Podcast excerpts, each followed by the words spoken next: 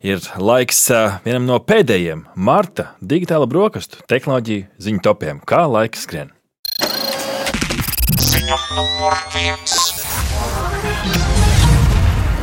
Liepājā Uliha un Robeža ielas krustojumā sācis darboties ar mašīnu redzes risinājumu aprīkots satiksmes kontrolas iekārtu, jeb vieglā valodā runājot, Gudrs Luksafors. Tas ir pirmais šāda tipa risinājums Latvijā, kas arī oficiāli ir iekļauts uzraudzības sistēmā, kas nozīmē, ka ne tikai sarkanās gaismas pārkāpumi, pārkāpumi tiek fiksēti, bet par tiem sistēma oficiāli arī aizsūta ziņu ceļu satiksmes drošības direkcijai un pašvaldības policijas datubāzē šo ieliek, lai pēc tam varētu piemērot arī šo administratīvo sodu. Šis risinājums jau kādu laiku Liepājā darbojas kā tādā testa pilota stadijā, taču beidzot, beidzot tas laiks ir pagājis, savi lēmumi ir pieņemti un sistēma var strādāt arī oficiāli. Un, statistika esot diezgan iespaidīga pēdējos astoņos mēnešos kopā vienā krustojumā fiksēts vairāk nekā 600 sarkanās gaismas pārkāpumu. Diezgan, diezgan daudz priekš liepājas un viena krustojuma. Iedomājamies, kas notiek pie pārējiem krustojumiem. Šo risinājumu ir ieviesusi Liepājas pilsēta sadarbībā ar, ar LMT, kas pie šī risinājuma ir ir strādājuši, un tās funkcijas ir dažādas. Rihard, ko, ko tas Luksafors vēl tur var, var izdarīt? Jā, nu tā tad viedais luksofors spēj veikt dažādas funkcijas. Pirmkārt, tas atpazīst un klasificē objektus, nosaka to trajektoriju un atrašanās vietu, atpazīst un nolasa automašīnas numurus, mm. spēj noteikt luksoforu signālu un, nu, starp citu, to veido īpaši konfigurēts ar datoru redzes algoritmiem aprīkots mini dators. Divas augstas izšķirtspējas video kameras, tīkla aprīkojums, stiprinājumu un LMT izstrādāta programmatūra. Tātad nu, diezgan spējīgs šis luksfors. Nu, labi aprīkots, kas nozīmē, ka šobrīd tas spēj piefiksēt sarkanās gaismas signālus, bet kas varētu tam nākotnē, piemēram, liekt vienkārši fiksēt arī ātrumu. Tas ir diezgan interesanti, kā šādu risinājumu vēl varētu plašāk pielietot. Jā, nu, katrā ziņā uh, skaidrs ir tas, ka droši vien mēs šādus luksusforus redzēsim arī arvien biežāk kaut kur citur. Un es tikai atgādināšu klausītāju, ka sots par braukšanu pie sarkanās gaismas ir pietiekami bargs, līdz pat 140 eiro un 4 soda punkti.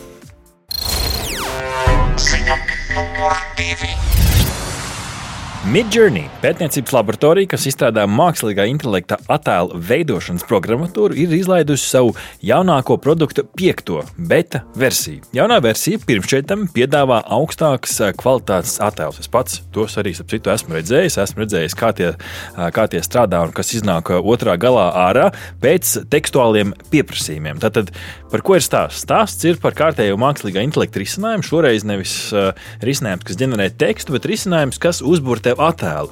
Uzbūr attēlu no tā apraksta, ko tam tu iedod. Programmatūra izmanto mašīnu mācīšanos, tātad tā ar vien mācās un, un, un aug.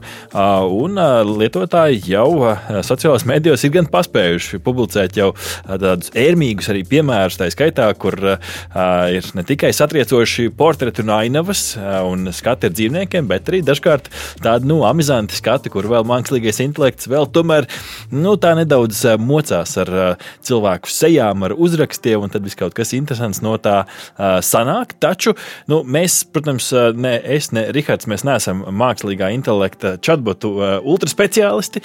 Mēs atradām cilvēku, kurš ar šiem risinājumiem strādā jau ikdienā, kas ir Risto Māsings, mākslīgā intelekta tekstuālo vaicājumu inženieris. Par šādu profesiju man šeit bērni skolā vēl nerunā, vai ne? Tā skaitā arī bloga māsing.eu veidotājs. Klausāmies! I've been working with ChatGPT ever since it came out, and I've been using it every day to program, to brainstorm, and to automate my life. Es strādāju ar ChatGPT kopš tā iznākšanas un izmantoju to katru dienu, lai programmētu, brainstormotu un automatizētu savu dzīvi. GPT-4 ir nozīmīga jauna versija valodas modeļa programmatūrai, kas līdz šim to darbinājusi. Tā ir aptuveni nedēļu veca tehnoloģija šobrīd. Savukārt Midjourney ir attēlu ģenerēšanas mašīnu mācīšanās programma, kas spēj no tam iedotajiem vārdiem izveidot attēlus. Midjourney iznāca jauna versija, kas ļaus lietotājiem paveikt ko pavisam jaunu. Midjourney tagad spēj apstrādāt brīvi rakstītu tekstu, ne tikai atslēgvārdus. Lietotājs var tam iedot garāku un detalizētāku aprakstu par to, kāda ir iedomātā aina, un atpakaļ saņemt daudz detalizētāku attēlu. Jaunā Midjourney versija iet ļoti labi kopā ar GPT-4, jo viena no tā priekšrocībām ir ļoti detalizēta aprakstu ģenerēšana.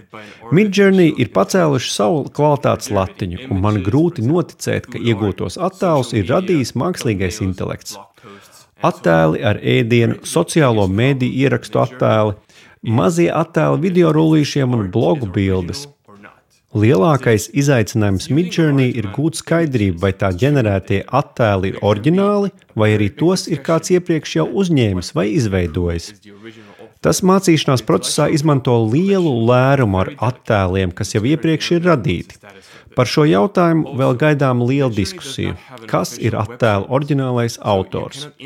Intelektuālā īpašuma jautājumi ir ļoti būtiski, un pagaidām to iznākums vēl ir nezināms.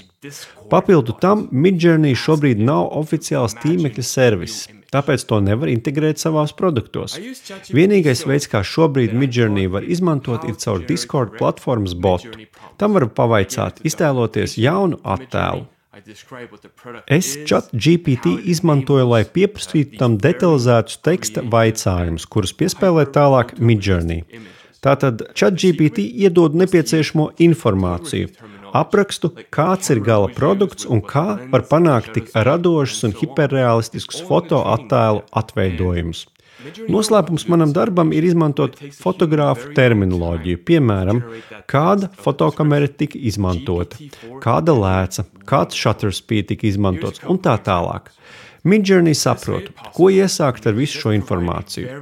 Bet, lai cilvēks uzrakstītu tik garu un tehniski detalizētu jautājumu tekstu, tas aizņemtu ilgu laiku.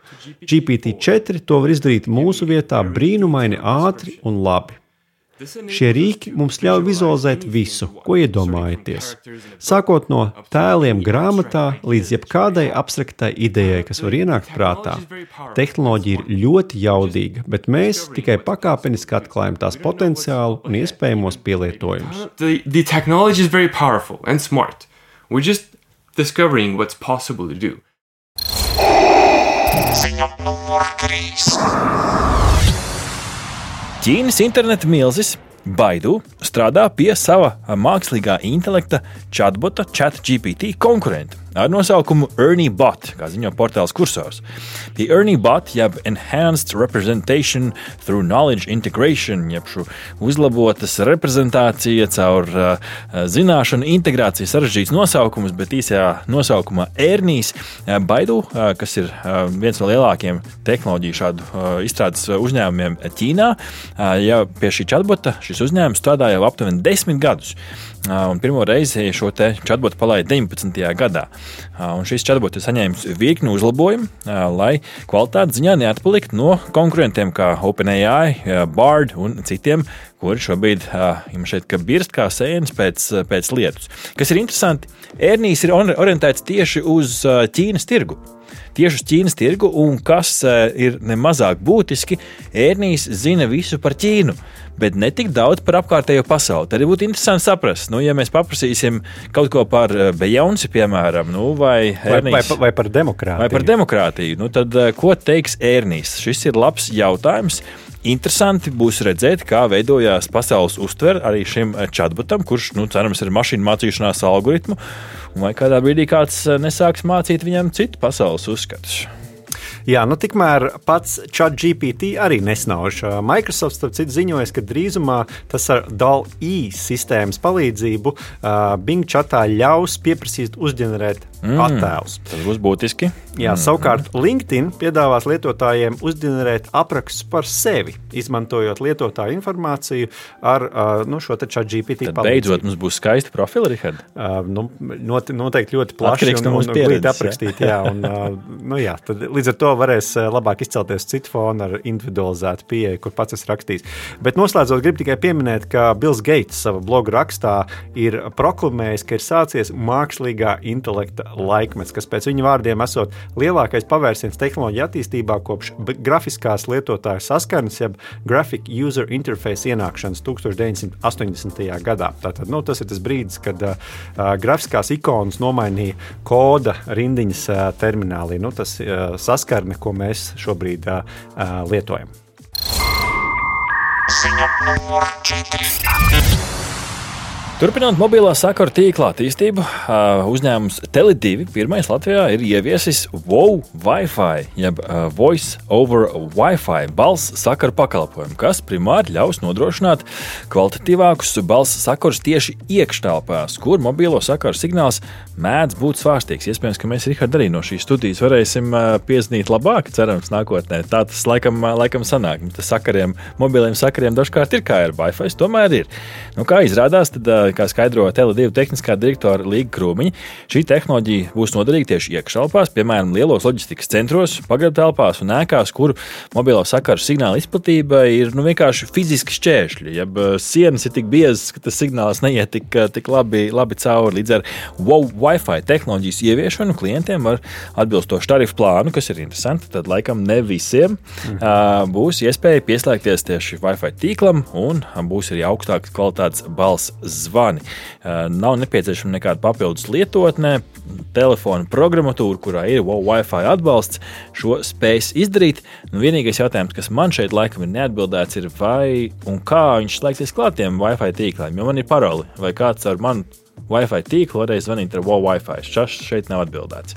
Nu jā, droši vien, ka ar laiku noskaidrosim ar visas detaļas. Mm -hmm. Varbūt tā ir arī kāda ideja mūsu nākotnes raidījumam. Bet gribēju pastāstīt, ka mēs digitālās brokastis vērsāmies arī pie pārējiem diviem operatoriem ar jautājumu par wow, Wi-Fi tehnoloģiju un saņēmām atbildi no LMT, ka uzņēmums līdz šim iekštelpu pārklājumu izaicinājumus aktīvi risinājis gan ar mazajām bāzes stacijām, gan, ir, gan arī ar um, repeateriem, tātad nu, tie tādi pastiprinātāji mm. un uh, jā, tātad signāla pastiprinātāji.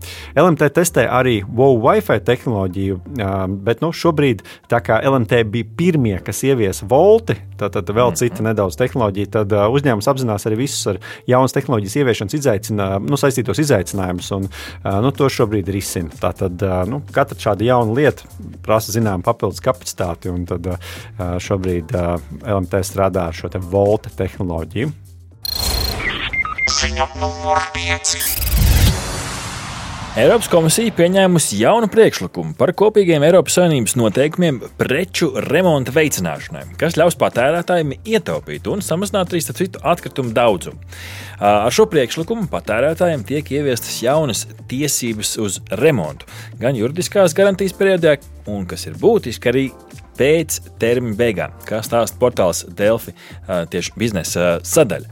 Pēdējās desmitgadēs priekšroka ir man šeit ar vien vairāk ir dota nevis tam, lai remontētu, bet jauni ierīci kaut kas saplīst, pērkam no jauna. Taču ir notikusi iespējams tāda neliela jau eh, izmaiņa tajā kopējā plūsmā un attīstībā, kā mēs ejam. Un tā skaitā arī ir šie Eiropas līmeņa noteikumi, kas veicina un tieši popularizē to, ka mūsu iekārtas, pat ja, tās, pat ja tām kaut kas ir noticis, ir iespējams vērts salabot, neizmest un turpināt izmantot, kas, manuprāt, praktiskos latviešus varētu ļoti labi uzrunāt. Un ne tikai uzrunāt praktiskos latviešus, bet arī iespējams veicināt ar vien jaunu šo remonta vietu rašanos. Jo, ja var labot, tad tur ir pieprasījums un jābūt arī atbilstošam piedāvājumam. Nu, šāds tāds kā teikt, visaptverošs lietu sarga risinājums, Rihard, tieši šim jautājumam par remontēšanu. Jā, nu, man liekas, ka mēs arī tikko, kad mēs ziņojam par Barcelonas tehnoloģiju izstādi Mobile World Congress, tad šeit Nokia prezentēja mm -hmm. jauno telefonu, kuru varēs pats arī remontēt. Būs šot pat iespēja nopirkt šādus remonta komplektus. Mm -hmm. Un tāpat mēs esam dzirdējuši arī par šīm citām ierīcēm un kustību kas angļuiski saucas right to repair, tātad uh mhm. tiesības remontēt savu tehniku. Un, un droši vien, ka arvien biežāk mēs šādas ierīces varētu līdz ar to sagaidīt. Varbūt piedzīvosim atkal to dienu, kad telefonam nokrītot zemē, izkrīt baterija, vai ne? Ļoti iespējams. Ziņa numur 6. Uzņēmums Epic Games pasākumā State of Unreal 2023 demonstrējas spēļu dzinēju Unreal Engine 5.2 versiju. Nav nozīme ciparam, nozīme tam, ko tas var izdarīt. Trīs interesantas uh, lietas. Numur viens uh, ir.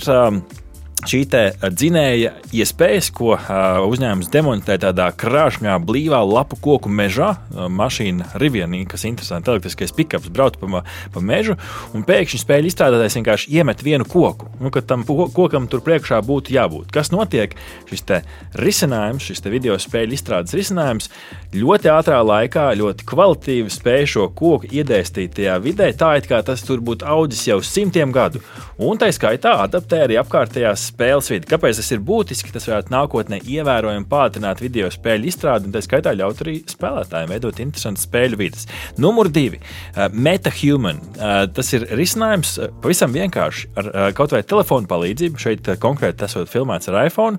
Var reāli laikā ierakstīt cilvēka mīmiku, un tā tiek uzreiz pārnesta datora grafikā uz ekrāna, animējot. Atkal būtiski tajā brīdī, kad izstrādā video un ir šeit cutscene cutscenes, jeb šo režisētās īsās ainiņas spēlēs, lai tur šī sejas mīmika būtu vēl reālāka. Un šeit man šeit vienā brīdī jau būs grūti atšķirt, kas ir dzīves un kas ir, kas ir tehnoloģija. Un numur trīs - Fortnite spēlētāji varēs priecāties, ja tīpaši tie radošie, kur grib arī kaut ko radīt, jo Fortnite rediģēšanas rīks ir iepazīstināts pasaulē, kas ļaus cilvēkiem veidot savas kartes, iespējams, savus jaunus, unikālus spēļu risinājumus. Līdzīgs, ap citu, kā tas šobrīd jau ir Grand Theft Auto, kur viens ir ir, ka tev ir pamatspēle, bet tev ir simtiem dažādu mini-spēļu šajā lielajā spēļu pasaulē, kur tu vari nodoties radošiem izaicinājumiem. Jā, nu, mākslīgais intelekts, protams, ļauj uh, daudzas lietas radīt arī cilvēkiem, kuri varbūt ar uh, programmēšanu ir uz jums.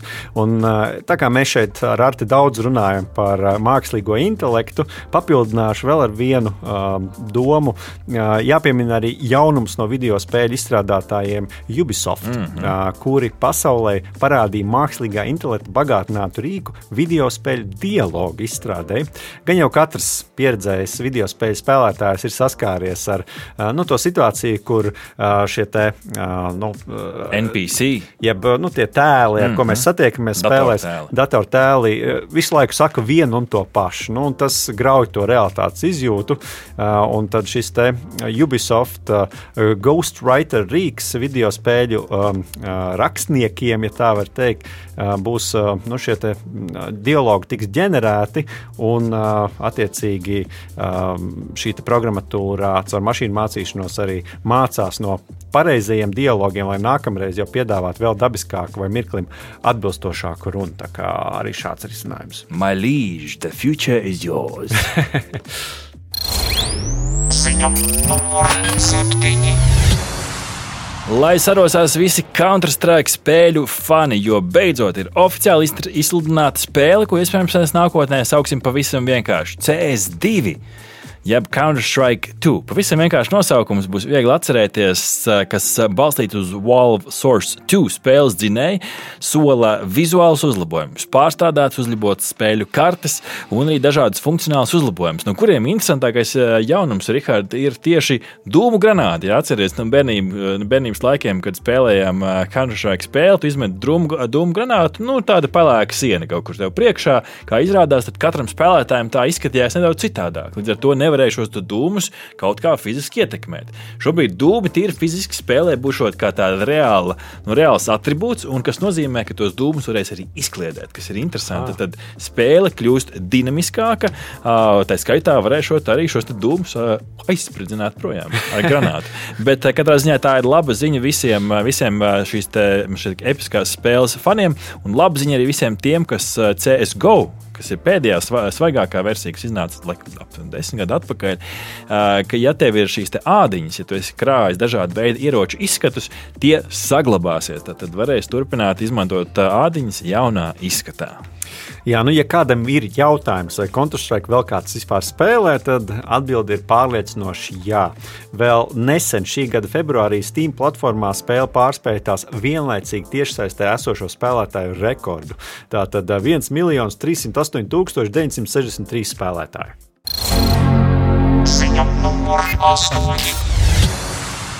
Tīmekļa dizaina platforma Canva ir izņojusi jaunas funkcijas, atkal ar mākslīgo intelektu. Tas mums šorīt eh, ir cieņā. Eh, Pāris eh, būtiski uzlabojumi ir Brand Hub, kas ļaus sagl- saglabāt organizācijas vizuālo identitāti visādos vizuāļos, ko mēs veidojam.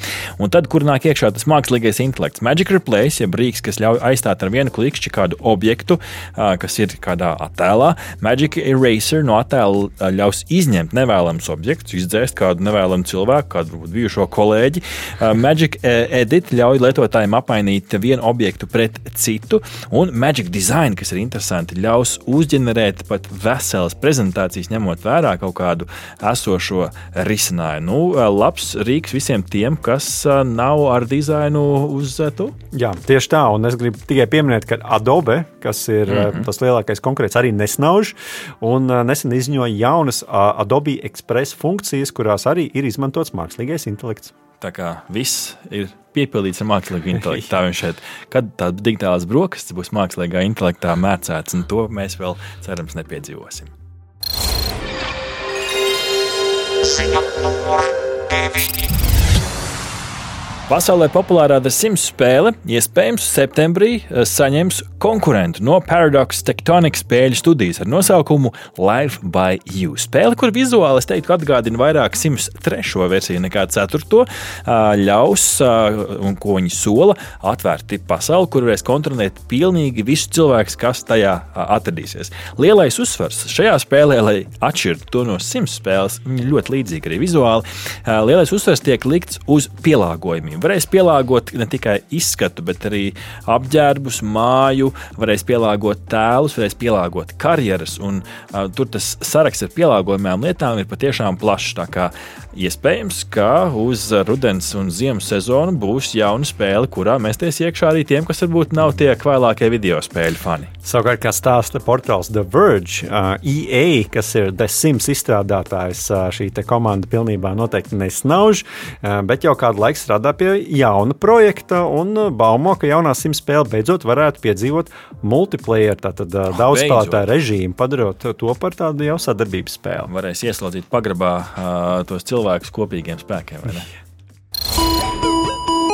Ziņa numur desmit.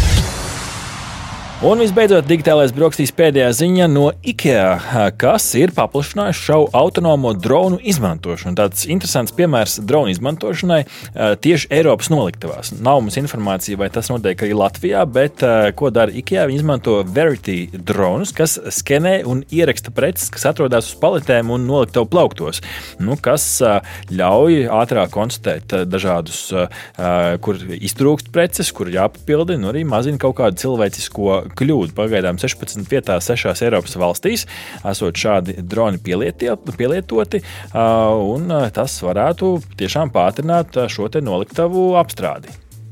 Jā, nu, nokļūt darbiniekiem patiešām ir jākļūst uh, nu, kvalificētākiem, ja tā var teikt. Drone ir viens, taču arī Boston Dynamics robots šodien pavīdēja ziņās, un uh, stretch robots ir diezgan statisks, bet jaudīgs izkraušanas robots, kurš var ar piesūcekņu palīdzību izcelt kastes no kravas konteineru un uzlikt tās uz konveijera. Aha! Paldies, ka noklausījāties mūsu līdz galam!